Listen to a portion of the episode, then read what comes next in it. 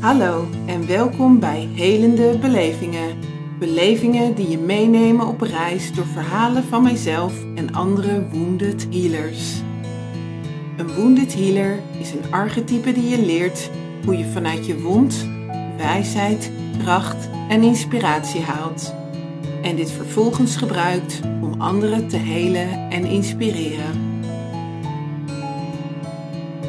Mijn naam is Annemarie Semijn en ik zie mezelf als een wounded healer, een bezield arts en een heler van gesproken en geschreven woord.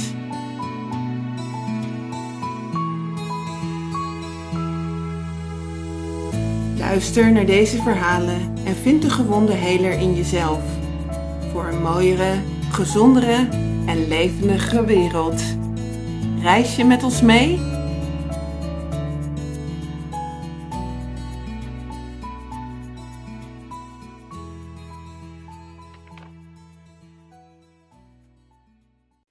Welkom bij uh, deze aflevering. En vandaag aan tafel zit uh, Lieke van den Berg Sieraad. En zij is van oorsprong ergotherapeute en is uh, vanuit daar een shamanistische route reis gegaan. En Lieke en ik zijn elkaar op een gegeven moment tegengekomen via het ziekenhuis eigenlijk, hè, via Ines van Rozensteel. En vandaar dat jij nu uitgenodigd ook bent uh, om je verhaal te doen hier voor deze helende beleving. Lieke, welkom. Dankjewel. Superleuk om hier bij jou aan tafel te zitten. Ja, vind ik ook. En ik ben ook heel benieuwd uh, nou, welke inzichten, welke uh, thema's we mogen aanraken samen. want het is ook echt zo'n nou, samengesprek waar we naartoe mogen gaan. En uh, eigenlijk de eerste stop waar ik uh, heel graag naartoe wil met jou is dat je eigenlijk ja, waarschijnlijk op je ergotherapeutenopleiding was of dat je net afgestudeerd was en dat er iets begon te knellen in jezelf. Uh, kun je mij daar een beetje in meenemen? Ja, um, nou dan is het wel fijn voor iedereen om te weten dat mijn moeder al vanaf dat ik een jaar vier was of zo. Um, pad van natuurgeneeskunde uh, op is gegaan. Zij is van origine anesthesieverpleegkundige. Mm. En um, nou ja, toen wij geboren zijn, uh, toen ik geboren ben, toen is ze daarmee gestopt. Um, en toen, nou ja, ook haar verlangen om wel een beetje in die medische, medische hoek te blijven, is zij de natuurgeneeskunde kant mm -hmm. op gegaan. Dus dat is het met een superwetenschappelijke vader um, en een uh, natuurgeneeskundige moeder, zeg maar. Uh, dat is mijn basisnest. Ja, precies. Ja. Um, ik, uh, wat ook maakte dat ik tijdens de opleiding al, ik denk in het derde jaar, liep ik stage mm -hmm. in het revalidatiecentrum hier in Arnhem. En daar, was, daar liep ik stage bij het handenteam. Maar daarnaast was er ook een bekkenteam. En daar zag ik vrouwen binnenkomen in een rolstoel. En negen maanden later iets beter uh, met de situatie om kunnen gaan. Um, maar nog steeds in de rolstoel, de deur uit na dat revalidatietraject. Vergelijkbare vrouwen met vergelijkbare problematiek kwamen bij mijn moeder. En die kwamen dan, dan gingen dan naar drie sessies uh, fluitende trap op, hoogzwanger. Mm. En dat was voor mij het punt dat ik dacht, jongens, dit kan niet. Nee. Er klopt iets niet. Mm. Uh, en toen had de directeur van het revalidatiecentrum ook nog over productie. Nou, dat ging bij mij ook helemaal. Hoe kun je nou mm. met, met mensen over productie hebben? Ik snap het, uh, bedrijfstechnisch snap ik dat prima, maar gevoelsmatig klopte dat niet. Mm. Um, toen heb ik nog op het punt gestaan om te stoppen met de opleiding. En toen dacht ik, jongens, jullie kunnen maar echt... Uh, jongens, het kan maar allemaal gestolen worden. Ja. Yeah. Um, na wat gesprekken met mijn moeder heb ik toch met mijn ouders uh, ja. toch de opleiding afgemaakt.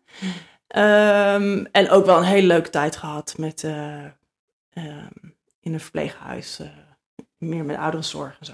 Ja. Super, super leuk en uiteindelijk goed afgerond. Um, maar toen had ik na de opleiding wel zoiets van, nou nu wil ik iets, ik wil nog wel iets doen, maar iets waar ik niks van word. Want ik wilde inmiddels al meteen geen therapeut meer zijn. Mm. dus ik werkte toen in de revalidatietechniek. Uh, dus ik was uh, met rolstoelen aan het uh, aanmeten voor mensen. Dus vanaf kinderen vanaf een, nou, vanaf een half jaar zo'n beetje tot mensen van in de honderd. Mm. Um, maar toen had ik zoiets ja, ik wil toch iets, mezelf meer ontwikkelen. En ik was bij een uh, esoterische boekhandel uh, waar ik regelmatig kwam. En ik vroeg de eigenaresse, goh, weet jij nog iets voor mij wat ik zou kunnen doen als aanvulling op wat ik nu gedaan heb? Um, want ik had geen zin om de hele onkruid opleidingsgids, zo'n dik boekwerk, door te werken. Um, en toen was ik met haar in gesprek en toen noemde zij uh, de school voor shamanisme. En binnen één seconde had ik een uh, boei van een hoofd en een kloppend hart in mijn keel. Ik had nog nooit van het woord gehoord. ik had geen idee wat het was, maar ik dacht, tja, hier moet ik iets mee. Uh, toen ben ik samen met mijn moeder naar een open dag geweest. Toen dachten ze dat mijn moeder die opleiding ging doen. dat was ook wel interessant. Ik was toen 22, denk ik. 21, 22, ja, zoiets. Dat is wel jong, hè? Zo. Um, en, um, en toen ben ik die opleiding gaan doen. Um, geen idee wetende wat dat me zou brengen. Hmm. Maar gewoon omdat ik mijn lijf zo fysiek reageerde. Ik dacht, ja, hier kan ik niet omheen. Hier moet ik iets mee. en in, dat was destijds was dat een uh, aanvullende beroepsopleiding heette dat toen. Met, met twee jaar elk weekend. Elke maand één weekend. En dan uh, nog twee jaar daarna een soort van soort van uh, stageachtige dingen. En Hmm. nog verdiepen, nog iets schrijven. En, uh, bestaat het? Bestaat niet meer. Nee. Nee. bestaat inmiddels niet meer. Nee, de grondleggers daarvan destijds waren Frans Scheerder en Roelien de Lange. Inmiddels uh, behoorlijk op leeftijd allebei. Hmm. en, maar super inspirerende mensen. Ja. Um, dus dat is de. Ja, toen het eerste weekend hadden we een zweethut. Hmm. En toen, uh, als ik aan denk, raakte het me nog. Hmm. um, uh, de, en toen zaten we in die, uh, in die koepelvorm, in het donker, met het schijnsel van de stenen. En toen dacht ik, het is thuis. Um, en dat is het nog steeds. Ja. Dus, dus weet het is door de jaren heen, uh, de afgelopen jaren, een soort van rode draad gebleven. Ja. En toen ook, toen ook in dat moment besloten, als ik later groot ben, dan ga ik Mm. dat ook doen. Ja. Dat moment duurde niet zo heel lang. dat was iets van vijf jaar daarna. Um, en ben ik me meer gaan, uh, meer op het pad van de hut, of iets eerder al op het pad van de hut en het vuur gaan bewegen. En toen, Mm. uh, vijf jaar later, na die eerste zweet, het vijf of zes jaar later, zelf ook hutten gaan begeleiden. Ja. Omdat mij dat zo enorm raakte Ja. in mijn, in mijn oer zijn, of volledig zijn, zoiets. Ja, bijzonder. Ja. ja, ik heb dat dus ook zo, niet, nou, niet met de hut, maar wel met, met het shamanisme dan ervaren. Dat de energie met tijdens de eerste, ehm, we deden gewoon een hele simpele oefening. Gewoon de energie voelen van de opleiders en dan door je linkerhand en door je rechterhand heen bewegen. Ja. En dan ook de verschillende kwaliteiten van de verschillende docenten voelen. Ja. Dus ik, uh, nou ja, vol enthousiasme met die handen open. Het was online, hè? dus het was nog een soort replay zelfs ook nog. Dus Ja. het was voorbij tijd en ruimte. Ja. En uh, ja, ik, ik voel nog steeds kippenvel. Er was een, een mannelijke um, shaman, shaman uh, docent die de energie had van mijn vader. Maar dan ge, geheeld. Hè? Toch, Ja, het precies. voelde als een hele geheelde, maar wel die zwaarte. Die zware, hij heeft mijn, mijn vader een hele zware, krachtige energie. En hij had dat ook. En die energie ging door mij heen en hij letterlijk zei welkom thuis. Nou, wat jij Dat, ook eigenlijk ja, zei, dat. welkom thuis. Ja. En dat ik dacht, ik, ik weet niet, ik was net begonnen en ik dacht, oké, okay, kennelijk, kennelijk is dit dus thuis. Ja. Thuiskomen, ergens in iets. Uh, zonder dat je het begrijpt of zonder dat je daar echt woorden aan kan geven, maar alleen een heel lijfelijk voelen en een lijfelijk Ja, dat weten. hoofd, dat hoofd kan er helemaal niet bij. Nee, Nee. nee, totaal niet. Nee. Maar wel alleen maar oordelen trouwens wel. dus die kon, er wel, die kon er niet bij, maar had er dan vervolgens van alles aan oordelen over. Van uh, dit, is, dit kan niet en dit mag, mag niet of dit hoort niet of nou ja, noem het maar. Ja. Maar mooi dat je dat ook zo hebt ervaren, zo in, Ja. die, in die hut. Ja. En zo door de jaren heen um, zijn, er zo van die, zijn er zo van die kernpunten geweest die wel voor shifts of, of richtingaanwijzers zijn geweest. Ja. Um, dus waar ik eerst uh, in de revalidatietechniek werkte, um, met veel plezier en daarnaast ceremonies begeleiden. Ja, ja. Um, dat was al natuurlijk, je hebt dan wel te maken met, uh, met de geneeskunde op een bepaalde manier, maar meer met de gevolgen van en hoe de, dealen mensen daarmee en hoe kun je dat uh, ze ondersteunen door de, de middelen die er zijn.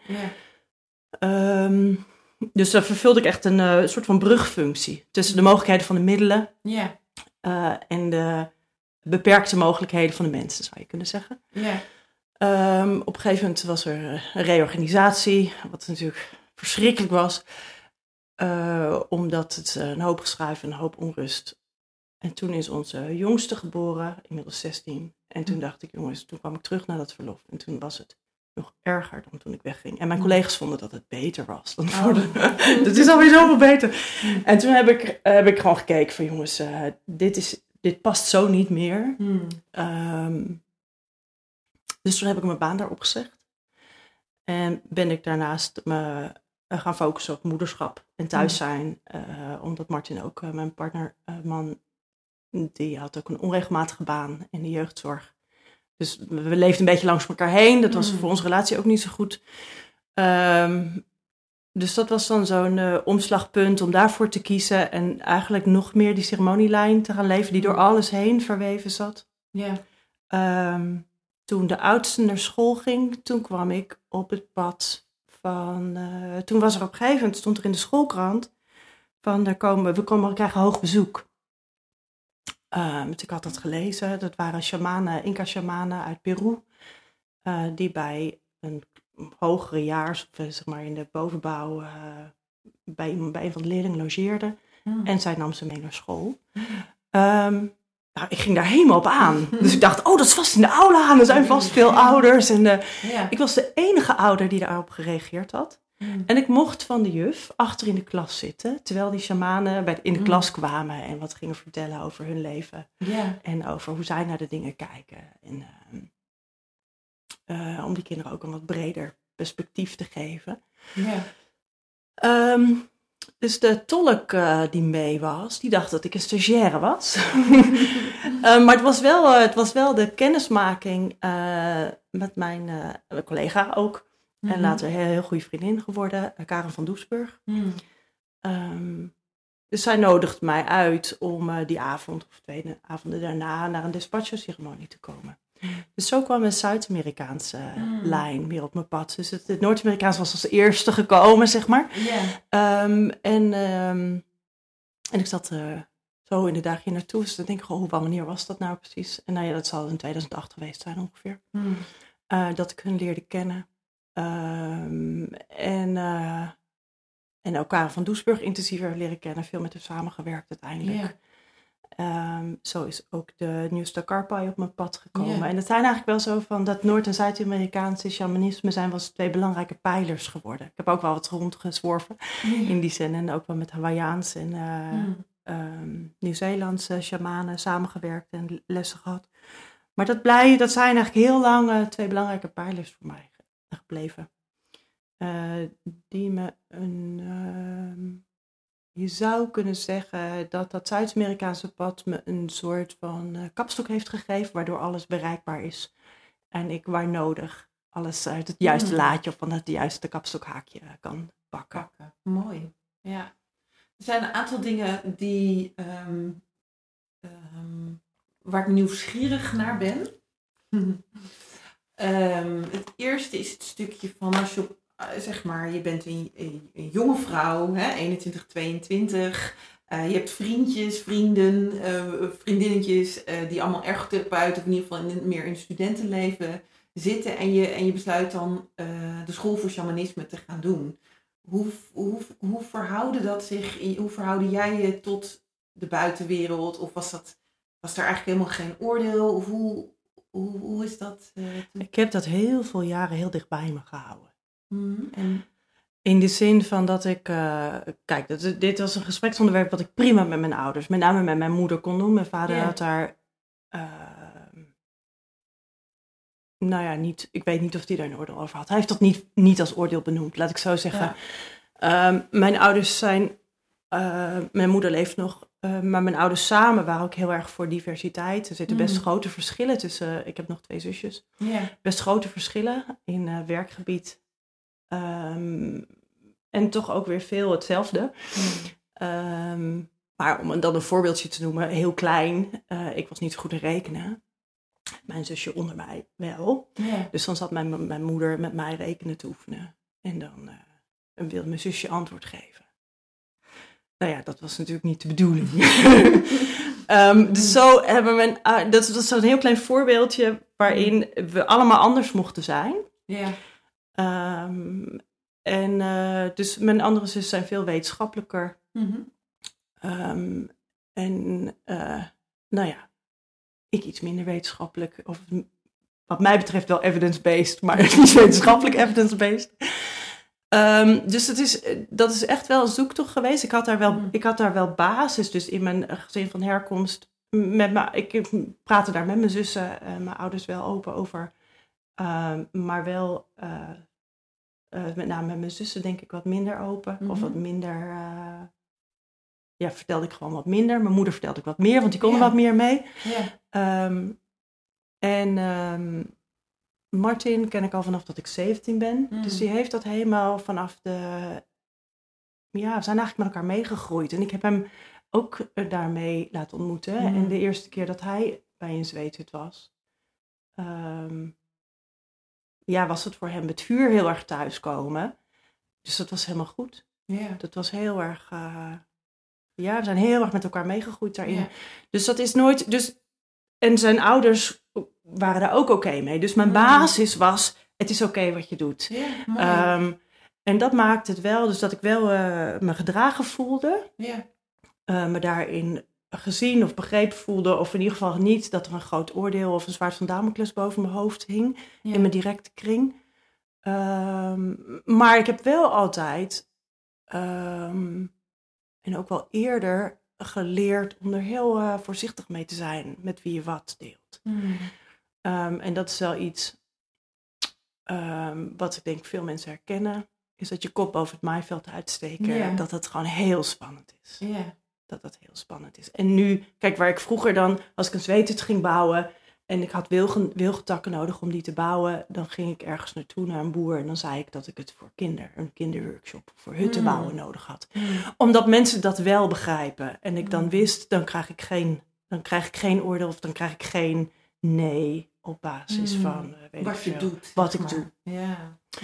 Inmiddels, ehm, heel wat jaren later, ehm, durf ik dat. Mm. Inmiddels durf ik dat en zeg ik gewoon wat ik aan het doen ben. Dus ik ben nu, eh, ik ben nu eh, meer bezig met, eh, met boomverzorging. En we gaan een opleiding doen.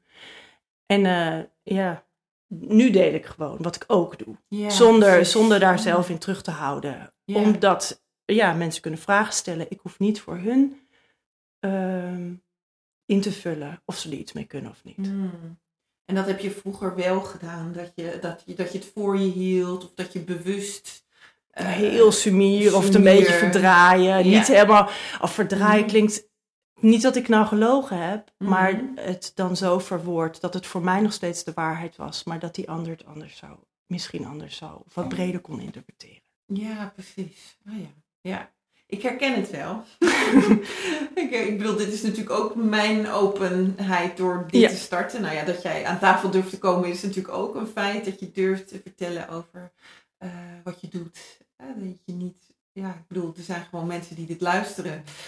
Ehm, maar ik heb ook eh, heel de hele tijd, eh, een hele tijd is kort, want het is best een kort, kort tijdsbestek dat ik dit nu doe. Ehm, maar dat ik het ehm, veel meer in het coaching of counseling of hè, dingen waarvan ik voelde van daar, dat begrijpen mensen. Ja. Ehm, en eh, eh, ja, hoe kun je nou arts zijn combineren met shamanisme en hoe is dat überhaupt samen te voegen? Eh, en de verwachtingen van de wetenschap. Hè, en in, in, met het puur intuïtieve weten. En hoe combineer je dat? Ja. Weet je, al dat, het spanningsveld. Als ik kijk naar mijn om, omgeving, ehm, heb ik me zeker gesteund gevoeld, waardoor ik het ook ben gaan doen. En mijn vader heeft altijd met een soort schuin oog naar me gekeken. Van, hij hoopte steeds dat ik niet te zweverig zou worden. Of dat, het, hè, dat het wel de goede, dat ik wel, dus hij was wel een beetje zo van, oké, ik hoop Annemarie dat je wel eh, niet, hè, ja, nou ja, niet, hij was er wel een beetje bang voor waar ik naartoe ging eh, Oh ja. vliegen. Ja. Eh, maar het mooie is wel dat ehm, zijn vrouw heeft ook naar mijn eerste podcast geluisterd. En die zei, als, als je vader dit had gehoord, want hij is overleden voordat ik eh, dit ben gaan doen, eh, dan was hij gerustgesteld geweest. Wat leuk. dus kennelijk heb ik het toch zo Ja. verwoord dat, het, Ja. dat het hem vertrouwen zou hebben Ja. gegeven. Dus dat vond ik dan wel weer heel mooi om, om te horen. Maar ik heb zijn, zijn, zijn hete adem soms wel in mijn gevoeld.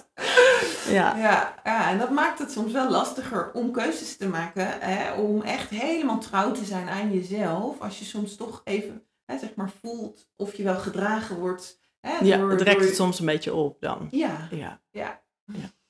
ja. En maatschappelijk gedragen is dan ook nog een. Hè, dus je hebt dan zowel van, hè, zeg maar, of je gedragen wordt door je familie van herkomst. Maar je hebt ook, wordt het maatschappelijk gedragen, zeg maar.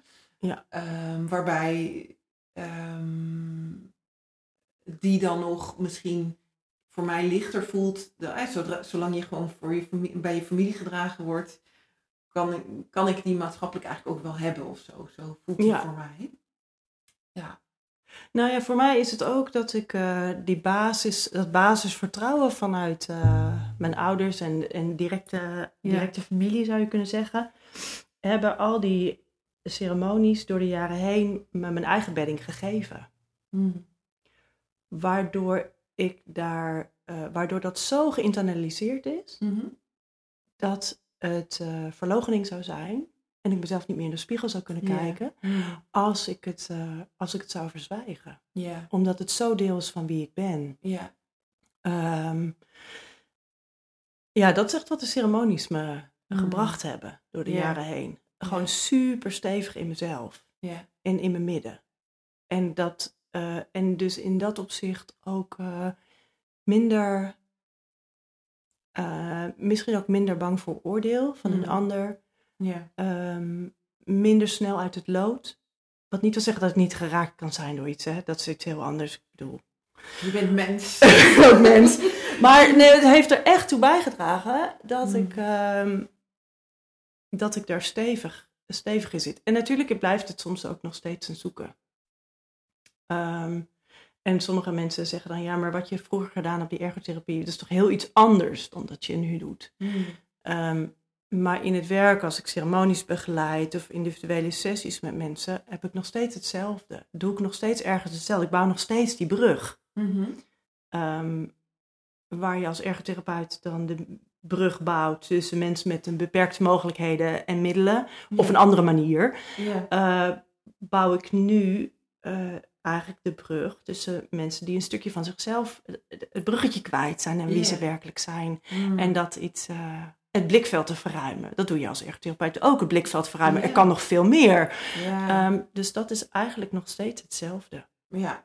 Ja, alleen eh, je doet het dan op een andere laag. Op een heel andere laag, Ja, op een ja. andere laag ben je met hetzelfde bezig. Ja, en toch Ja. voelt het dus dat die basiskennis die Mm. ik, ooit- die ik in die opleiding, die, ja, een soort van bril of manier waarop je naar de dingen kijkt. Maar eh, dat doe ik eigenlijk nog steeds. Mm. Dus dat vind ik dan wel weer een eer aan het, aan het vak, zeg maar. Ja. Eh, al praktiseer ik dat natuurlijk niet meer eh, zo sec zo. Mhm, mhm. Ehm, ja.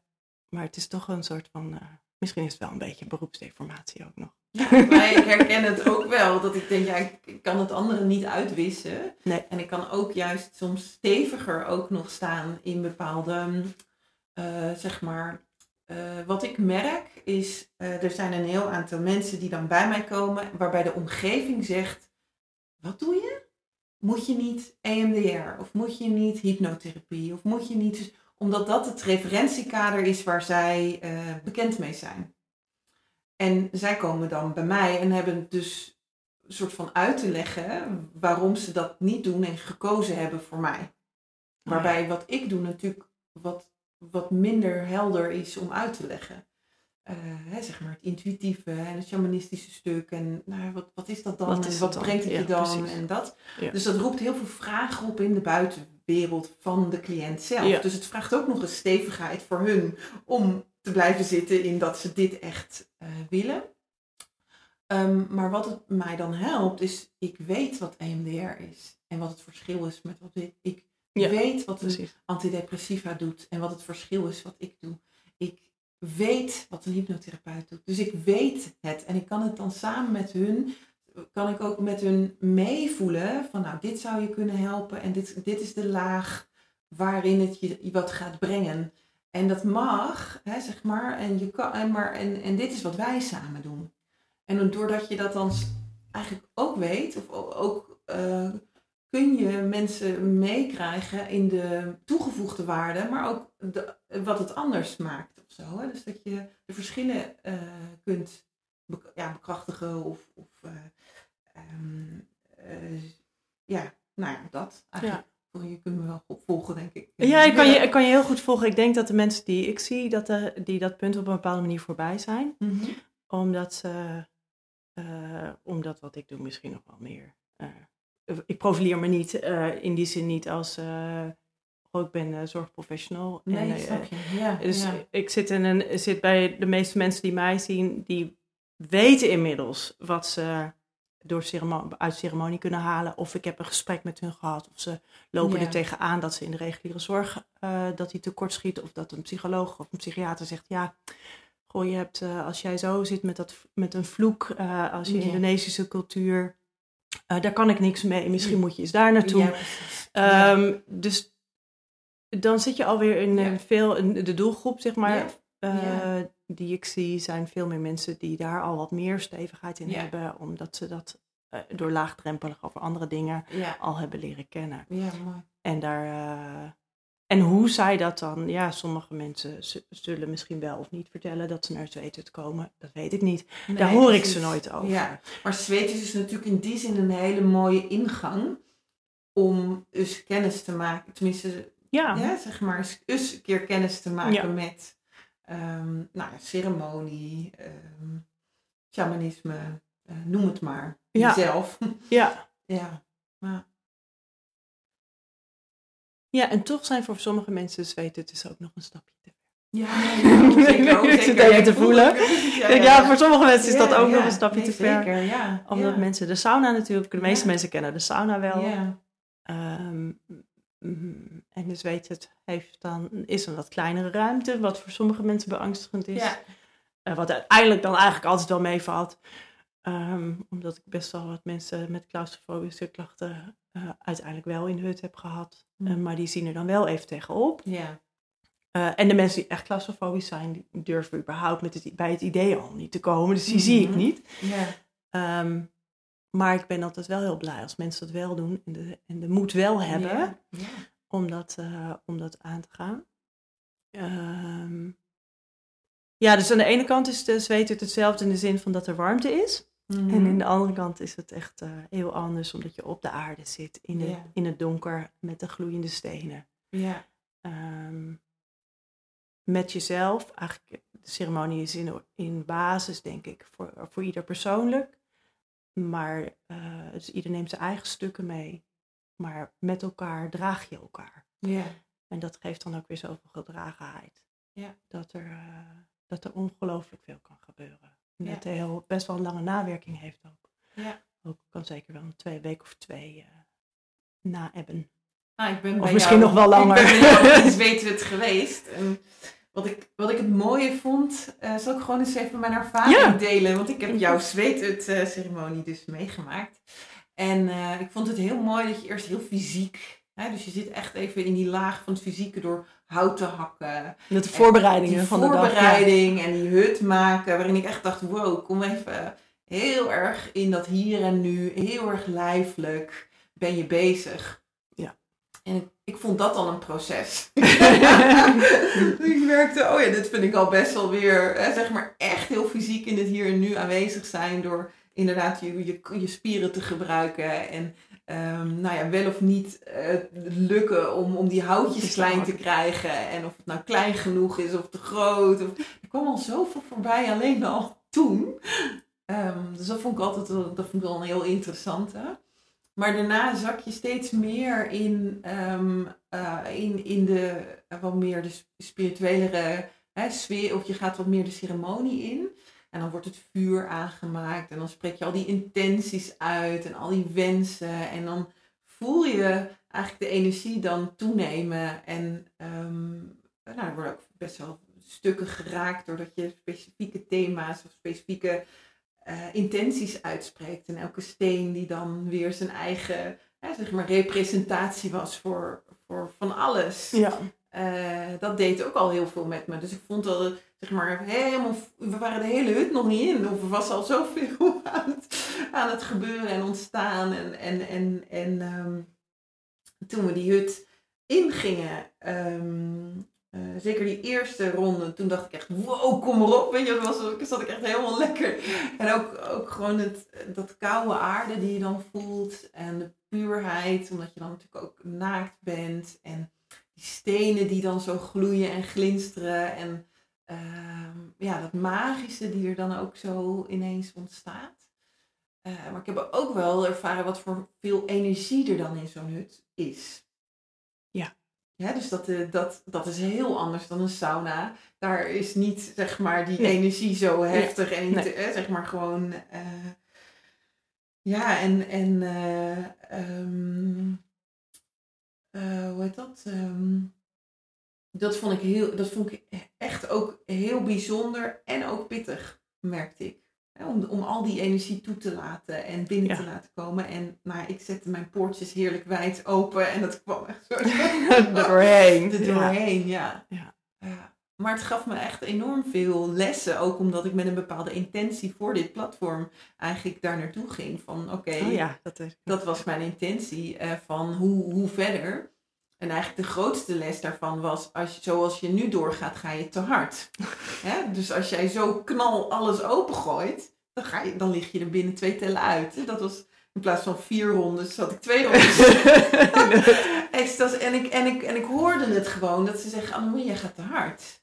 En het is nog steeds, nu nog steeds mijn valkuil, om te hard te gaan. Ja. Te snel. En ik bedoel, ik denk dat dat maatschappelijk thema is, dat we allemaal te hard gaan. Maar, maar die zweetwet heeft me wel een hele mooie spiegel gegeven. Van hoe ik nu, maar ook toen, een half jaar geleden, gewoon met, met mijn energie omga. En ja. omging. En, ja. Uh, ja, dus, dus het heeft me heel veel gebracht. Ja, mooi om zo, uh, mooi om zo terug te horen. Zo'n zweetwetceremonie is natuurlijk onwijs persoonlijk. Ja. Hoe je de tijd ervaart is persoonlijk. Hoe je de warmte ervaart is persoonlijk. Hoe je de... Uh, uh, intensiteit ervaart, is persoonlijk en afhankelijk van het moment ja. in, in jouw proces. Dus het is niet uh, voor, alle, voor iedereen die er is, is het weer anders. En het, als je op een ander moment in je leven dezelfde ceremonie zou doen met dezelfde intensiteit, zou je hem weer anders ervaren. Um, en dat is, vind ik, een van de mooie dingen van de hut. En er zijn heel veel verschillende manieren om zweten te, te begeleiden. Um, en daarbij is het denk ik voor iedereen die luistert. Uh, dat is een algemeen feit om, yeah, voor iedereen yeah. die luistert. Er zijn, zijn veel verschillen yeah. um, in hoe, hoe dat begeleid wordt en wat de focus is. En um, daarbij kenmerken de zweetzussen die ik geef om op verruimen van je bewustzijn of het verruimen van je blikveld. Um, wat dan misschien ook wel weer komt door, uh, nou ja, door hoe ik op dit pad terechtgekomen ja. ben. Ja. Um, realiseer ik me nu.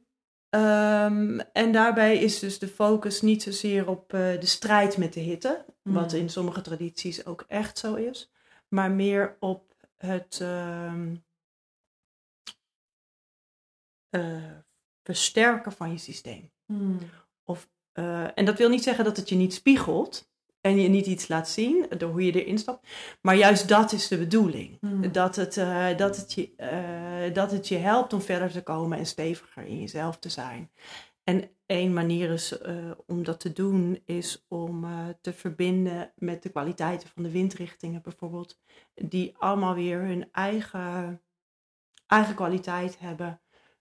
of um, En die je, dus, die je dan kan uitnodigen, waardoor die intensiteit in die hut zo groot wordt. Mm. En je verhoogt de frequentie eigenlijk. Je, je, je, je zou, sommige mensen ervaren het een beetje als een snelkookpan. Mm.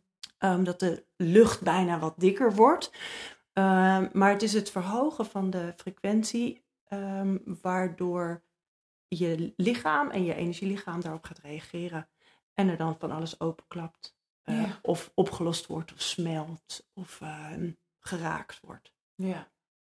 Ik merkte ook dat mijn lichaam op een gegeven moment gewoon duizelig werd, misselijk werd. Dus dat het gewoon de intensiteit er even, zeg maar, dat het te veel was. En dan Eh, kan, dan- Ja, dat kan, het kan zeker bij een eerste zweetceremonie. Kan er, ook kan er heel erg fysieke reacties ontstaan.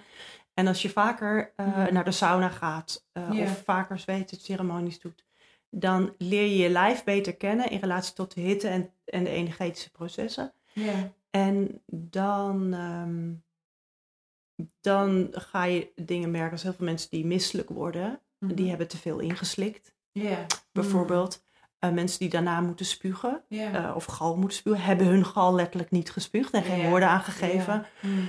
Ehm, en eh, dingen als hoofdpijn is, ja, zijn heel vaak toxines of mineralen tekorten.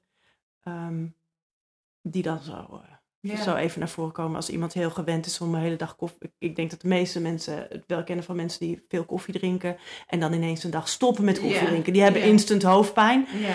Eh, of na, op een bepaald tijdstip op de dag, dan knalt die hoofdpijn erin. Ja. Ehm, nou ja, en als je dan op zo'n zwete dag geen koffie drinkt, dan ben je gegarandeerd van hoofdpijn, Ja. zeg maar. Mm. Ehm, ehm, en dat zijn allemaal dingen waar je, waar je doorheen kan. Mm. Ehm, en niet per se zwaar hoeft te zijn. Nee. Het zijn allemaal dingen die je iets laten zien over hoe je iets tot dan toe hebt gedaan. Ja. En dat je lijf het eruit wil werken. Ja. En meestal is dat, eh, lost zich dat op door een goede nacht slaap en de realisatie dat je dat hebt gedaan. Ja. En dat geeft dan ook weer een beweging. Oh ja, dat heb ik gedaan. Was ik al mee gestopt, maar dit moest er blijkbaar nog even Ja. uit. en soms is dat gewoon alleen met zweten. Hè? Ja. hoeft helemaal Ja, niet, het hoeft helemaal niet die fysieke Mm. reacties op te leveren. Maar ik hoor het wel veel terug van mensen die na een eerste zweet het wel dat ook heel fysiek als detox ervaren. Ja, ja. Ik moest ineens denken aan een zwangerschap, waarin je ook een soort, soort spiegel krijgt hoe je met je, dat je lijf ook echt letterlijk topsport aan het bedrijven is. En ook laat zien van, hé, hey, eh, zo ben je nu, eh, ja, zeg maar, fysiek. Mhm. Dus dat je dan ook sneller ziektes, eh, moe, eh, klachten kan krijgen. En dat het bepaalde zwaktepunten in je lichaam laat zien. eh, die in de toekomst ook weer terug zouden kunnen komen. Hè? Net zoals met diabetes bijvoorbeeld. Dat als je in de zwangerschap diabetes eh, hebt ontwikkeld, dan is er eigenlijk een soort voorbode van joh, let, Let op. op, Ja. ja. in de toekomst kun je dit krijgen. Ja. Dus als je straks niet meer zwanger bent, let nog steeds op nou, die suikerspiegel. Ik zat ineens te denken, die, die, die zweethut, het wordt ook de baarmoeder eh, genoemd. Of tenminste, het kan je zien als een soort baarmoeder van de moeder aarde. Eh, dat het je eigenlijk ook spiegelt hoe je nu fysiek, maar misschien ook wel emotioneel, mentaal, spiritueel in het leven staat op dat moment. Ehm, Ja, dat denk ik wel. En wat het dan eh, door het donker van de hut en de vorm mhm. helpt het je om, eh, je zou kunnen zeggen, voorbij tijd en ruimte te gaan. En de warmte helpt je om ehm, dat je aan de ene kant voel je je lijf misschien juist heel intens. En aan de andere kant vervaagt de grens. Hmm. ehm, waardoor, je, waardoor het veel makkelijker is om je totale zijn te voelen. Hmm. Waardoor het veel makkelijker is te voelen wie je in wezen bent. En ehm, ja, ik denk dat dat hetgeen is wat mij zo geraakt heeft en wat me thuis heeft doen voelen. Hmm. Wie zijn wij nou in wezen, als jij daar woorden aan zou kunnen, kunnen geven? Ehm, dat is eh, veel groter dan eh, fysiek zichtbaar. Eh, dat gaat verder aan voorbij. Ik, ik Mm. heb, eh, als je, ik weet niet of je het kan meten Mm. in, in menselijke maat. nee. Ehm, het enige wat ik wel weet is dat als je je afgescheiden voelt van wie je werkelijk bent, dat dat allerlei vormen van klachten oplevert. Hmm. Ehm, en dat mensen er in basis ongelukkig van worden. En de ene durft die stap daar naartoe wel te maken en trouw te zijn aan zijn hart. En de ander, voor een ander is dat te spannend. Ja. Ehm, en daarin heeft ieder ook zijn eigen, zijn eigen pad, zijn eigen medicijn, zeg ik dan. Ja. En medicijn is voor mij iets wat, eh, wat- goed is voor je, ondersteunend voor je is. Dat heeft, ja. heeft een, voor mij ergens ook altijd een beetje door de farmacie een, eh, een beetje een klank, een beetje een, Mhm, mhm. andere smaak, zeg maar. Eh, maar daarom, daarom eh, leg ik het even uit. Ja. Ehm, ieder heeft zijn eigen medicijn. Ieder heeft eh, andere voorouders, andere verwantschappen, andere zielenvoorouders. Die maakt dat iedereen uniek is. En dat, ehm, en dat wat, wat de zweet het voor mij gebracht heeft, wil niet zeggen dat dat voor jou dat Mhm, brengt. mhm. Maar het heeft mij op mijn plek gezet. Ja. Ehm, en dat is, eh, dat is denk ik het aller, allermooiste van deze reis. Is eh, de schoonheid van de diversiteit. Mm. En daarmee, en daarmee te zijn. Ja. En dat vind ik ook zo mooi wat jij, deze, deze podcast, deze, deze interviews, geeft dat ook eh, heel mooi weer. Omdat er zoveel verschillende mensen aan het woord komen. Die op een heel andere manier geraakt zijn. Ja. En daar, eh, en daar zoveel kracht uit hebben gehaald dat, ze, dat zij hem weer zijn gaan delen. Ja. Ja. Ja. Ja, mooi. Ik heb verschillende dingen die er nu door mijn hoofd heen poppen van waar gaan we naartoe. Het ene is dat jij ook een persoonlijk medicijnwiel geeft. Dus dat je mensen eigenlijk weer laat ontdekken wat hun persoonlijke medicijn eh, is. En daarin ben ik gewoon nieuwsgierig van wat zijn nou voorbeelden van een persoonlijk medicijn.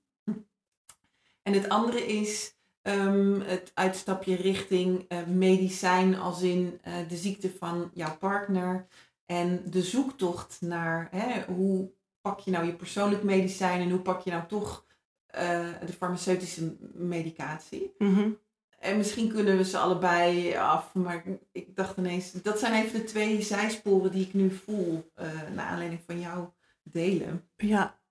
Ehm, nou, een heel mooi voorbeeld van persoonlijk medicijn is een ehm, bevriende homeopaat. die in een eh, vrijwilligerswerk deed in een heel christelijk hospice. Waar geen plek was voor ehm, homeopathie. Eh, ze had eh, daarnaast ook een shamanistische opleiding gedaan en de death rites geleerd. Dus hoe je Mm. mensen kunt helpen om eh, los te komen van het fysieke, om de overgang naar het fijnstoffelijke en het overlijden dus eigenlijk te vergemakkelijken. Waarvan zij voelde, dit voelt voor mij als een trucje en het werkt niet. Hmm. Toen zei zij, vroeg zij mij, goh, kun jij mij meenemen in overgangsrites bij overlijden vanuit verschillende tradities, om uit te vinden welke wel bij me past, zodat ik dat, zodat ik beter kan zijn dat Mm. hospice en die mensen daar gewoon, omdat ik die bedding heb in mezelf, eh, mensen daarin kan bij kan staan. Ja. Ehm, toen dacht ik, ja, dan kan ik je van allerlei tradities, overgangsrites eh, laten zien. Maar Ja. eigenlijk is het belangrijk welke, welke haken bij jou. Ik kan niet het hele bos laten zien, maar laten we alsjeblieft de bomen uitpak, eruit pakken die voor Mm. jou, eh, die bij, met jou resoneren en die voor jou kloppen. Ehm, toen heb ik met haar een, eh, een ceremonie gedaan of een eh, ritueel door de windrichtingen heen. Mhm. Ehm, dus om elk, in elke windrichting te kijken, goh, wat is nou, wat is nou je zielenvoorouder? Die het medicijn of de kracht van deze windrichting voor jou representeert. Toen kwamen we erop uit dat hele, dus die vier windrichtingen langsgaand in de ceremonie, kwam zij uit op allemaal medicijnmensen verbonden met het oerwoud. Hmm. Bijna allemaal. Of eens Mhm. was Siberisch of zo. En de rest was allemaal eh, jungle mensen. Hmm. Die natuurlijk onwijs veel kennis hebben over planten en het medicijn daarvan. Daar maken we met z'n allen gebruik van. ja. Ehm, wat voor haar, dus daarmee had zij ehm, eh, door kennis te maken met haar zielenvoorouders in een soort van, in een soort van transreis, in een visualisatie is het niet helemaal, maar zo oogt het wel ja. als je het ervaart, ehm, eh, is dat zij dus een aanspreekpersoon had. Iemand met wie ze zich kon verbinden, die kennis van plantmedicijn had. Zij ging ook begrijpen, waarom ben ik überhaupt homeopaat Ja, geworden? Ja. Waarom ben ik dat Mm. gaan doen? Omdat ze dat al eigenlijk al in haar, in haar veld aanwezig had, in haar cellen had. Mm. Op een andere manier dan je bloed, dan je Ja, genen hebt, zeg ja. maar. Maar het, die lopen zo langs elkaar, die horen Mm. heel dicht bij elkaar, eh, die twee lijnen. Ehm, en doordat we, dat, doordat we die ceremonies gedaan hebben, kon zij in de hospice zijn. Kon zij voelen welke frequentie uit het oerwoud Mm. is nodig om deze persoon te helpen. Mm. Kon ze alleen maar met dat te weten of te Mm. vo- helder te voelen, aanwezig te zijn bij degene ehm, die heel erg intens met dat overlijdensproces bezig was en de overgang te maken naar het fijnstoffelijke. En daarmee kon ze daar weer zijn. En had ze niet meer het verlangen om sec die eh homeopathiemiddelen in te zetten. Misschien heeft ze ook wel eens de frequenties in, haar, in haar veld opgenomen. Ehm, maar ze is wel steviger in zichzelf geworden. Omdat ze voelde en realiseerde: oh, dit is de reden waarom ik dit ben gaan doen. Mm. Omdat dat in haar zielenlijn lag, zou je kunnen zeggen. Net als dat sommige mensen uit hun familie, dat er, dat er beroepen zijn die familiair zijn. Hè? Dat mensen Mm. in hun, in hun lijn dan ehm, artsen eh, bijvoorbeeld, de Mhm. timmermensen of eh, mensen die heel veel met dieren werken, komen ook dan steeds. Dat is vaak terug te zien, ook in de, in de bloedlijnen. ja. Want jij werkt dan ook met zielenlijnen. Nou ja, het is heel, het, het is, je zou kunnen zeggen, de zielenlijnen refereert dan vaak ook weer naar vorige levens en zo. In dit geval is het meer, wie ben jij? Jij bent het midden van alles wat bestaat. Je bent in het midden van die vier windrichtingen, waar die vier windrichtingen samenkomen. Ja. Ehm, en in die windrichtingen zijn kwaliteiten die met jou verbonden zijn. Waaruit, je zou kunnen zeggen, waar eh, jij ook deels uit bestaat. En waar een voorouder is ehm, uit een eh, traditie ergens op aarde. Ja. Dat kan dus helemaal aan de andere kant van de aarde zijn. eh, die jou ondersteunt in wie jij nu bent en wat je nu te brengen hebt. Dat is het eigenlijk. ja. En om het makkelijk te maken, noem ik dat zielenvoorouders. Ja, ja. Ja. Ehm. Maar sec is, klopt dat eigenlijk niet Een helemaal. wild hoofd er eigenlijk. Dat weer- wil- precies, het hoofd wil het- wil het- alles begrijpen, willen begrijpen en dan zoek- plaatsen en zo. Ja, daar zoek ik, daar zoeken dan woorden Terwijl voor. eigenlijk het lijf van mij begrijpt het. Die zegt echt, wauw. Ja, Van wauw, wat mooi. En dat je inderdaad je weer kan verbinden. En ik kan me voelen hoe je in je kracht komt te staan. En dat je eh, inzicht krijgt in inderdaad waarom je bepaalde keuzes hebt gemaakt. En waarom het allemaal ineens dan klopt. en waarom, waarom je dan in je midden kunt zijn en stevig Ja. en onbeweegbaar Ja, ehm, daarin kunt zijn. ja. Ja. Ja. mooi. Ja, Ja, ik ga hem is- nog een keer met je lopen hoor. Ja, het zou super leuk zijn. Het zou heel, het zou heel leuk Ja. zijn. Want dat is dus echt wat ik van mensen hoor. Hmm. Is dat het eh, ze weer terug in het midden brengt. Of ze zich Hmm. soms doen realiseren dat ze veel uit het midden zijn geweest. Ja, ja. Hmm. En ik voel ook dat als je in het midden staat en in de kracht van wie jij bent, dat dan, ehm, eh, hoe heet dat, Ehm, gezondheid ook veel meer aanwezig is. Dat je dus, eh, ja, dat is natuurlijk een, maar dat, dat, er, dat je meer kan floreren in het leven. Misschien is dat. ehm, Ja, dat weet ik niet. Het is een goede Hmm. vraag. Ja. Het is een goede vraag, want eh, soms heb ik het gevoel dat dat verschillende lagen zijn die, die met aan elkaar eh, gerelateerd zijn, maar soms ook een beetje los van elkaar bewegen. Ja. Ehm,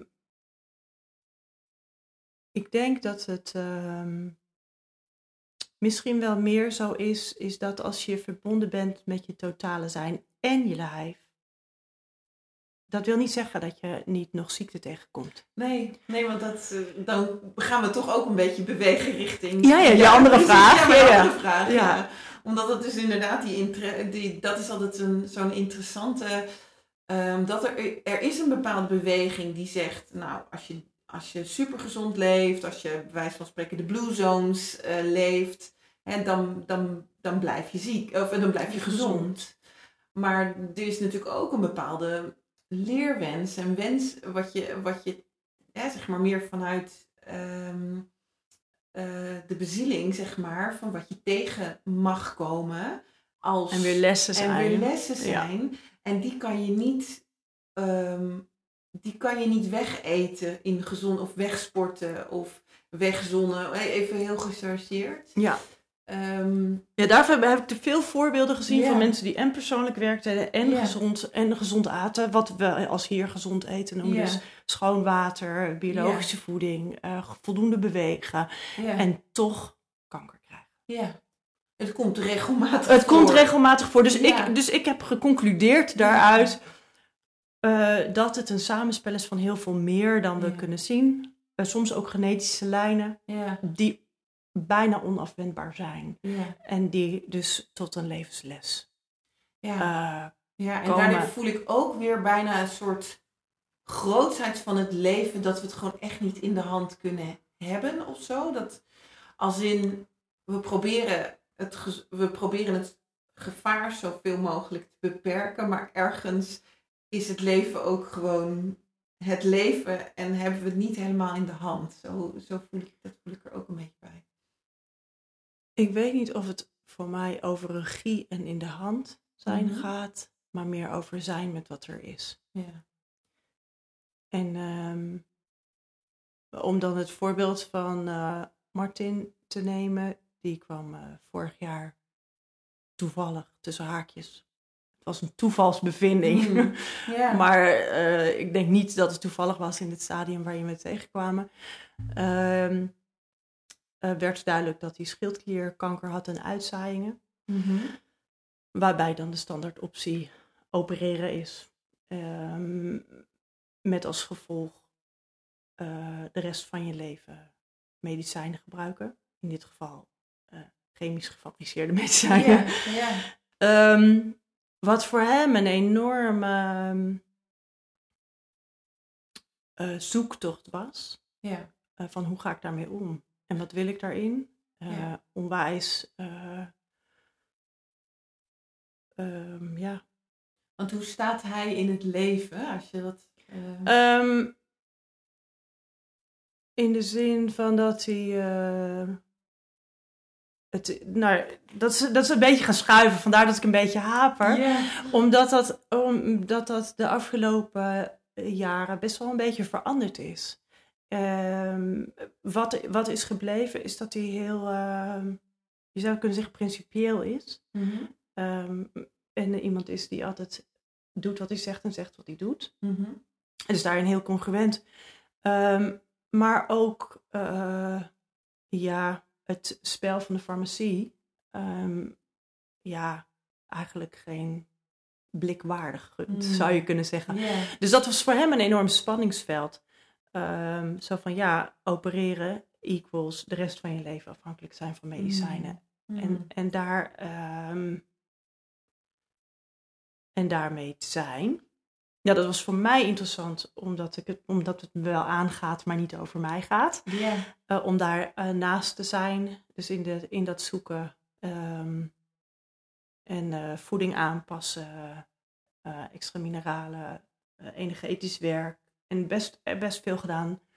Ehm, waardoor hij uiteindelijk, ehm, eh, uiteindelijk na negen maanden eh, toch besloot wel te laten opereren Mhm. omdat het chirurgisch te complex zou worden en, ehm, en er een flink wat lymfeklieren behoorlijk aan het groeien waren. ja. Maar dat ging, het ging niet over één nacht ijs. En hij zegt nu, ja, doordat ik negen maanden eigenlijk topfit ben geworden, geen suiker, Mhm. eh, was een van de belang, geen alcohol, geen suiker, weinig koffie, eh, weinig vlees. Ehm, je zou kunnen zeggen, à la Moerman. Eh, en niet toxische tumortherapie. Moet altijd even die naam. Dat heeft hem wel heel onwijs veel goed gedaan. Waardoor die topfit de operatie inging. ja. Ehm, en omdat hij die, voorbereid, die voorbereidingstijd had hij ook nodig om, om dit proces door te maken en zich daarmee te verzoenen. ja. Dat het, eh, dat het ook oké is. En dat het eh, op een gegeven moment moet je kiezen tussen twee keuzes waarvan je niet weet wat het is. ja. Ehm, ga, ga je die kanker door laten groeien? Of ga je je best doen om hem niet door te laten groeien, maar gebeurt het misschien toch met wat voor gevolgen? Waarschijnlijk een kortere levensverwachting. ja. Of eh, ga je dan voor opereren? Ehm, en voor mij was dat ehm, nou niet zozeer een les, maar daarin zijn ja. en zonder oordeel te zijn. En ieder daar zijn eigen keuzes in laten. Net als dat mijn vader had uh, Parkinson en, uh, en uiteindelijk uh, verschillende vormen van kanker. En um, ik heb in de loop van de jaren best veel mensen begeleid in hun overlijdensproces of in, in hun proces naar de dood toe om het leven makkelijker los te kunnen laten. En, uh, en daar nog wat dingen in op te lossen of wat uh, aanwijzingen te geven. Goh, kijk hier nog eens naar. Uh, ja. En dat doe ik niet door gesprek, maar door, door een ceremonie um, en op zielsniveau te werken. Um, en mijn vader, die als man van de wetenschap, um, wist denk ik ook niet zo goed wat ik voor hem zou kunnen betekenen. Mm. maar wat ik daar bovenal van geleerd heb, is dat uh, keuzes te respecteren. Ja. Echt helemaal te respecteren, tot in mijn tenen. Um, dus echt zonder oordeel te zijn over de keuzes die iemand maakt. En dat dat zo uh, afhankelijk is van het moment. En als de dood je in de ogen kijkt, dan weet niemand wat hij doet. Nee. En het dan weer opnieuw te bezien. Hmm. Ik zei net al, ik vond het zo schoon. Ja. er zit zoveel schoonheid in, er zit zoveel liefde in. Ja, ja liefde, liefde voor het leven, mm -hmm. denk ik. En liefde voor de dood, ja. allebei. Ja, ik voel hem allebei. Allebei. Um, liefde en, en eerbied te doen aan het proces. Ja. Want het is niet iets wat je iemand. Uh, het is een keuze. Zo'n soort keuze kun je niemand opleggen. Nee. Je kan iemand alleen maar bijstaan. Ja. En. Um, want als er angst voor de dood zou zijn, dan zou je hem misschien richting medicijnen en operatie willen duwen. Hè, zeg maar, ja, ja, dat, zeg maar, ja. dat, dat kan een hele natuurlijke manier zijn om, om te zeggen van ja, doe het nou maar, want ik wil je niet kwijt. Ja. En als je heel erg anti, ik bedoel, ook heel erg anti zou voor de farmacie en operatie Mhm. mm -hmm. bent, dan wil je hem er juist heel erg van weghouden en zeggen van ga nou maar heel veel zweten te doen en ga nou maar heel veel, zeg maar bij wijze van Ja. spreken, hè? ik sorteer een beetje. Ja. Hè, maar, maar jouw angsten voor, voor, voor het een of het ander eh, kan heel veel doen op het proces van, eh, van hem. En, en, en hoe mooi dat je daar zo voorbij hebt kunnen bewegen, zodat je zo oordeelloos... eh, Mogelijk, Is ja. oordeel mogelijk, ja, dat Ja. snap ik. Ja. Zeg maar, zodat hij die vrijheid heeft om beide keuzes volledig te mogen onderzoeken. Ja. En, en ook eigenlijk eerst even het ene pad op is gegaan. Door die operatie uit te Te stellen, ja. waardoor hij echt even mocht, helemaal heeft mogen ervaren wat dat dan voor hem betekende en was. En klopt het als ik... Ja, als ik ja, ja, ja, ja, ik ben gewoon met je mee aan het voelen. ja, ja, precies. Eh, en, en, en op een gegeven moment gewoon echt voelde, maar ik, dit is toch, eh, zeg maar, ik ga toch ook die andere route eh, pakken. En er steeds open in blijven. Ja, En dat is wel, ja. dat is wel steeds, eh, dat is dan wel steeds het, ehm, de uit, ik heb het als een uitnodiging Ja. gevoeld. Ja. Ehm, en dat, dat zijn dingen die we al eerder tegengekomen zijn. In die zin dat we op een gegeven moment, onze oudste zoon was een jaar of 15 denk ik. 14 misschien. En die zat ongelooflijk moeilijk in zijn vel. Hmm. Dat hij er helemaal uitknalde en, en niet meer wist eh, wat hij met zichzelf aan moest. Hij was al een keer s'nachts weggelopen, en teruggebracht door de politie. En op een gegeven moment zagen we hem weer een soort van kortsluiting maken in zijn hoofd. En toen keken wij elkaar aan. ehm, eh, mijn man en ik keken elkaar aan. En hebben hem toen laten gaan.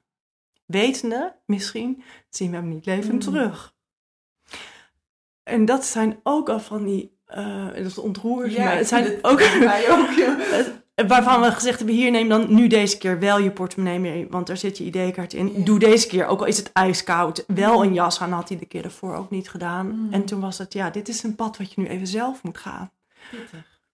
Als ehm, wetende dat als we hem toen fysiek hadden tegengehouden, waren we hem in het contact kwijt geweest. En dat was, en dat was voor mij een moment dat ik voelde van oké, dit is mijn angst om hem kwijt te Mm. raken. Die mag ik nu niet op hem plakken. Hmm. Ehm, want die is van mij. Hmm. En ehm, later heb ik dat bij mijn zoon gerefereerd. Hoe was dat voor jou dat moment? Zaten we daarmee goed met ons gevoel? Misschien zien we hem niet Mm. levend terug. En dat heeft hij bevestigd dat dat zo was. Dat hij dat ook, dat hij met die gedachten speelde. Hmm. Ehm, dus dat heeft me enorm gesterkt in ehm, eh, dat ik dat voelde dat dat klopte. Dat het mijn angst was eh, die ik bij mezelf te houden had, omdat ik hem anders kwijt was geweest op een heel andere manier, die we misschien wel veel meer pijn had gedaan. Mm. Uh, want doordat we hem op dat moment die vrijheid hebben gegeven, uh, zijn we nu onwijs goed in contact. En ik denk dat als ik toen, letterlijk had ik bovenop hem moeten gaan zitten, want Ja. hij was toen sterker dan ik al, Mm. dan was die volledig uh, uit het contact gegaan. En dat uh, weet ik niet of ik dat had kunnen repareren in de Mm. loop van het leven. Ik zie dat wel eens gebeuren, dat mensen in hun puberteit enorme strijd met hun ouders hebben gehad. Ja. En dan dat eigenlijk nooit meer echt goed komt, Mm. is bij ons uh, die vertrouwensband wel gebleven. Voor zover. Nee, dat wil niet zeggen dat hij alles vertelt.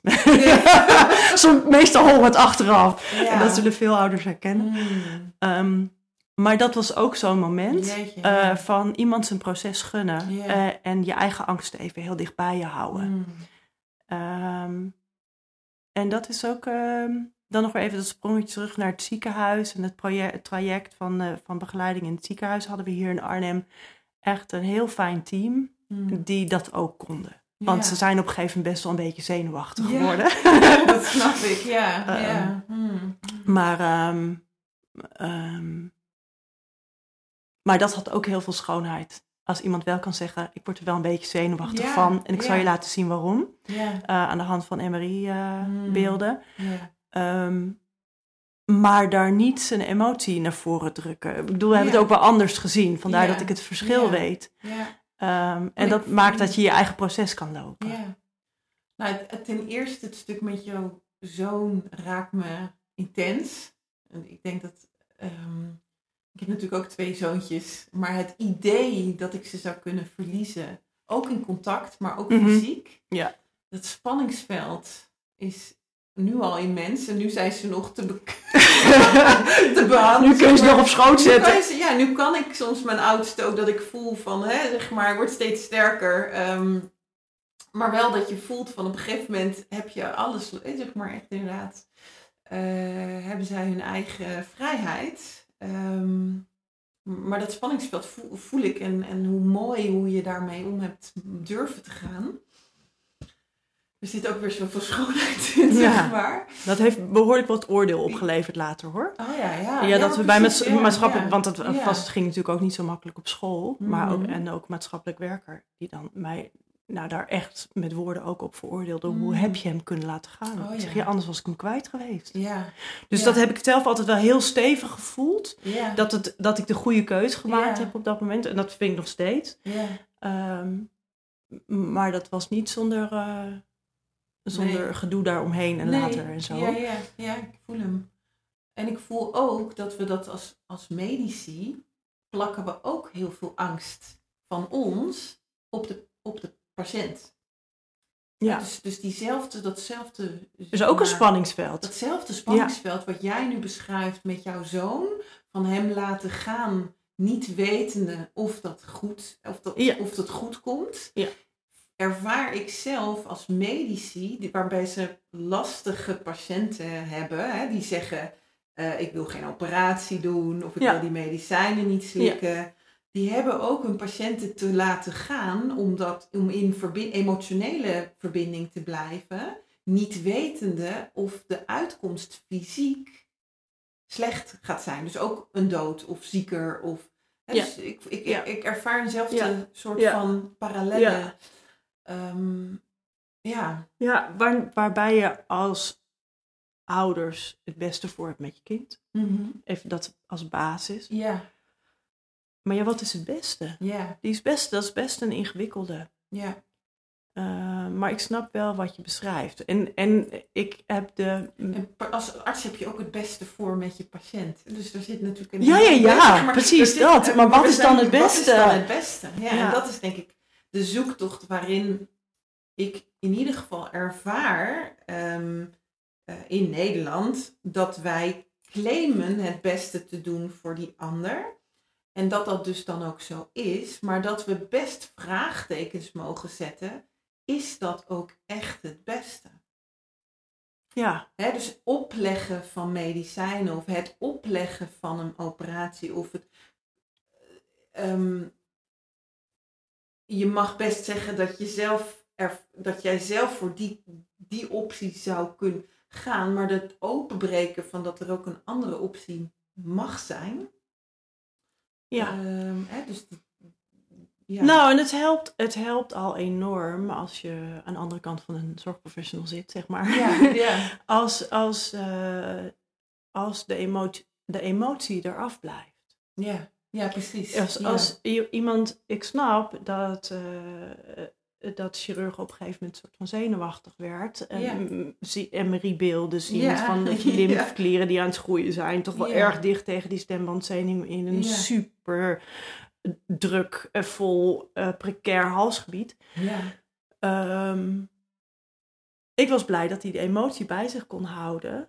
En het, maar het wel, en het wel woorden gaf. ja, ja, Ehm, en ik vind dat dat ook heel, dat heeft echt, eh, ja, dat was, dat was heel fijn. Mhm. Dat iemand dat, dus dat is een aanmoediging eigenlijk Ja, voor iedereen. Om dat om- vooral, om zo, dat te- vooral ja, zo te doen. ja.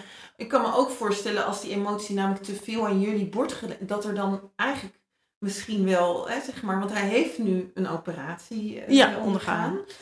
Dat, het- dat het ook een spanningsveld zou zijn geweest. Dat je hem in verbinding kwijt was geraakt, letterlijk. De, eh, en, en dat hij misschien de operatie niet had gedaan. Ik ga nu een beetje speculeren. Ja, ja, ja. Nou, nou wat ik wel. eh, eh, kijk, en dat, dat is denk ik. eh, hangt er ook vanaf wat voor type mens er voor je zit. Mhm. Ehm, ehm, in die zin denk ik dat ze door mijn achtergrond, affiniteit met Mhm. geneeskunde, zou je ook kunnen zeggen, heb, heb ik best wel wat gelezen. En ben ik best wel ingedoken van hoe werkt het nou, dat endocrine systeem. Ehm, en heb ik ook wel geprobeerd daar vragen over te stellen.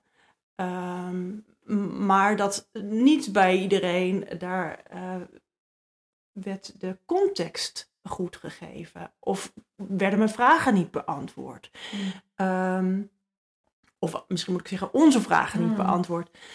Ehm, en, eh, en als er dan zo zenuwen zichtbaar zijn, dat mensen bijna te zenuwachtig waren om die vragen goed te beantwoorden. Mhm. En dat het gewoon toonde ook in, met De vlekken in de nek, zeg maar. Ja, Ehm, ja, En ik vind dat eigenlijk, eh, vind ik eigenlijk jammer. ja. Eh, dat, kijk, niet alle patiënten zullen evenveel informatie willen. Om, Mm. een wel, om een weloverwogen keuze te maken. ja. Eh, omdat iedereen die keuzes op een andere manier maakt. De een legt, heeft mi- misschien in basis veel meer vertrouwen. Mhm. Ehm, en de ander wil gewoon snappen wat er gebeurt. En een weloverwogen keuze maken. Zeker als dat in Martins geval zo- zo'n spanningsveld oplevert. ja. Dan moet, of dan wil je, hij moest zich ermee verzoenen. En dat heeft tijd nodig, heeft informatie nodig. ja. eh, om het allemaal een plekje te geven. Ehm, en ook te snappen, wat, wat, wat is het effect? En hoe, hoe werkt dat dan? En waar grijp je in? En, wat, en hoe kunnen we dat, aan de andere kant, hoe kunnen we dat ondersteunen, zodat Ja, dat lijf dat zo makkelijk weer, mogelijk weer oppakt? Moet je wel een beetje begrip hebben van hoe dat systeem werkt. Ja. Ja. Ja, dus eigenlijk vooral een, eh, vooral een uitnodiging aan iedereen die op die plek zit om eh, mensen hun eigen proces te gunnen. Ja. En eh protocollen zijn prachtig Mhm. om mensen met een diagnose schildklierkanker binnen drie weken op de operatietafel te hebben. Voor sommige mensen werkt dat. Ja. En, eh, maar niet voor iedereen. en dat, ik snap ook dat dat als arts een spanningsveld is ehm, om dat, die inschatting te maken. Ja. Wie zit er tegenover me? Ja. Ja. Wie zit er tegenover me? Even die medische staat aan de kant. Wie zit er tegenover me? Ja. Ja. Ja. Maar het lijkt wel steeds belangrijker te worden. Hè? Dus dat steeds meer mensen verwachten of hopen dat er wel een, hè, dat er een, eh, in ieder geval een menselijk contact gewoon aanwezig is. Ja. Zodat je zelf voor jezelf een gedegen keuze kunt maken waar je goed aan doet. Ja. En waar je, eh, Ja. ja. En ik denk dat het ook goed is om mensen te informeren. Want als eh, zorgprofessional heb je onwijs veel kennis op een specifiek stukje vak. Ja. Eh, en eh, sommige patiënten zijn wel ingelezen en andere helemaal niet. Ja. en daar dan, eh, ja, dat dan, ehm, dat dan te begeleiden om tot een goede keuze te komen. Ja. En, en, en tot een keuze te komen waarvan iedereen na 15 jaar zegt, dit was een goede keuze. Precies. Ja, en niet spijt achteraf. Nee, dat precies. is natuurlijk ook Ja. zonde. Ja. Ja. Ja. Ja. Ehm, ik zit eh, nog even te kijken. We hebben natuurlijk net heel even vooraf eh, ook eh, heel kort over, over nou, de Wounded Healer archetype gehad. Ja. En, de, en toen vertelde ik jou dat er drie archetypes in ieder geval een rol spelen in het platform. Zowel de Wounded Healer als de alchemist als de shamaan. En eigenlijk hebben ze alle drie wel een soort van in dit gesprek mogen ontmoeten. Ja. Ehm, tenminste, als ik jou hoor in het stuk van jouw zoon en ook wel een stuk van, van eh, Martin, dan kan ik de wounded healer voelen omdat jij je eigen angsten durft aan te gaan en ze niet gaat projecteren. Voor mij is dat Mhm. het gevoel van wat is van mij, hè? Welke, welke emoties heb ik aan te kijken, Ja. Eh, hè? Welke, welke, wel, waarin voel ik dat ik geraakt word en hoe kan ik daar in mezelf een proces van maken zodat ik dat niet ga projecteren in de buitenwereld. Voor mij voelt dat als een kwaliteit van de wounded healer. Ehm, de alchemist heb ik gehoord dat jij eigenlijk vanuit je ergotherapeut zijnde op reis ging, op avontuur ging naar het stukje van jezelf of je eigen, hè, je, ze- ja, eigenlijk je eigen pad bent gaan zoeken. En de shamaan heb ik gehoord in de zoektocht waarbij je je eigen shamaan hebt gevonden. En de rituelen en de ceremonies en, ehm, en alles eh, wat dat jou dan heeft gebracht vervolgens aan Ja. wijsheid, maar ook in, ehm, in samensprek met mensen die dan op jouw pad komen. En ehm, eh, hoe je de grootheid van jouw zijn hebt kunnen ontmoeten, ook via rituelen en ceremonies. Ja, en dat heeft me de moed gegeven om. eh, Ja. of dat, de ceremonies en de rituelen hebben me meer bij mezelf gebracht, waardoor ik onbeweegbaarder ben geworden, of minder snel uit mijn lood, zou je kunnen zeggen. ja. Ehm, waardoor in zo'n situatie van het eh, nieuws ehm, eh, van de ziekte van mijn vader, maar nog intenser wel dat Martin ziek was. dat zet je leven natuurlijk wel even op zijn kop. ja. Dus dat is, eh, dat, die heeft me wel even uit mijn midden geslagen hoor. Dat is, Laat me wel wezen. Ehm, maar het heeft me wel geholpen om, eh, om daarin in liefde te blijven staan. ja. Ehm, en, ehm, dus dat, en, en dus die, dus die shaman en die ceremonies zijn wel echt heel belangrijk geweest om de moed te hebben om op reis te gaan en, eh, en te blijven onderzoeken. Ehm, en het heeft me ook geholpen om eh, mezelf te ontdekken. Ja. En in die zin ehm, ook wel veel dingen geheeld. Ja. Waarvan ik, we, we begonnen het gesprek eh, buiten deze opname. Ja. Om van, ja, wounded healer, hoe zit dat nou eigenlijk? Want eh, ik voel me eigenlijk helemaal niet gewond. En ik heb me ook eigenlijk nooit gewond gevoeld. Dus Mhm. ik voel me vooral heel. Ja. En, en maar in de loop van de jaren wel meer die heelheid eh, gaan ervaren. Ja. En de volheid en de grootsheid ervan. Ja. Ja, en toen zei ik ook van ja, voor mij voelt die wounded healer veel meer het kunnen voelen dat je ergens in geraakt wordt. Ergens, er is een pijn, Mhm. hè, een angst op een verlies bijvoorbeeld van Ja. je zoon. Dat is een pijnpunt, Ja. een pijnplek, een Ja. wond. Ja, Ehm, en die hebben we allemaal. Hè? Maar hoe ga je er dan vervolgens mee om? ja. En dat voelt voor mij, die archetype kan daar dus enorm helpend en helend in zijn door te ervaren dat je bij jezelf mag blijven. En dat de buitenwereld een projectie is van wat er dus van, bij jou van binnen gebeurt. Ja. Ehm, en ieder zijn eigen reis te gunnen. Precies, en Ja. daarin zijn eigen reis eh, te gunnen. Eh, maar ja, ik vond het een interessant voorgesprek, omdat het me ook weer deed beseffen hoe anders je naar de Wounded Healer als, als gewoon sec-titel kunt kijken. En ehm, de rijkheid van, van het archetype nog eens even te benoemen. Ja, omdat er ook zoveel omheen zit. En dat de verhalen die, we, die ik nu deel over Endo Wounded Healer gaat, maar ook over de alchemist en ook over eh, de shamanen, zullen misschien nog wel veel meer archetypes zijn die ook meedoen, zeg Mhm. maar, in, in deze gesprekken. Dus uh, ja, dankjewel. Is er nog iets waarvan je voelt dat je nog heel graag wil, wil delen?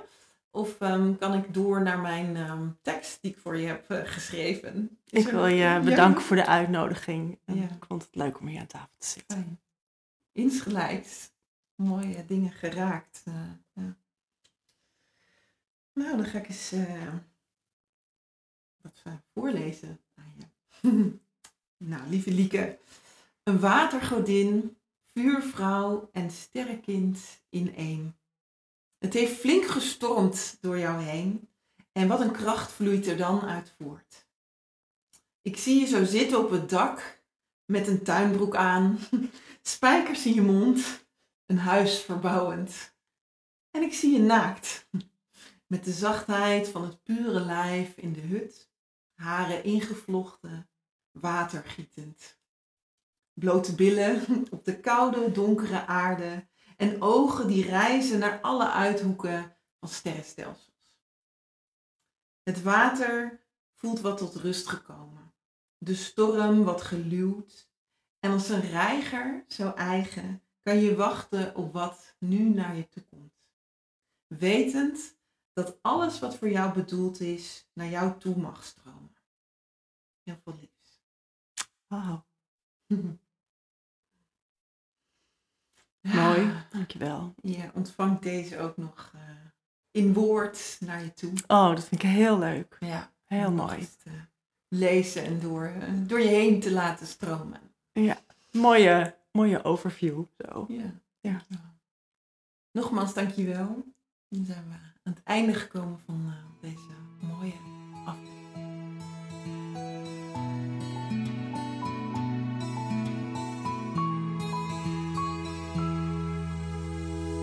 Dankjewel voor het beluisteren van deze helende beleving. Via een ander heb je de mogelijkheid jezelf weer te ontmoeten. Je lichte, maar ook je donkere kanten liefdevol te onderzoeken. Zoals een echte wounded healer zou doen.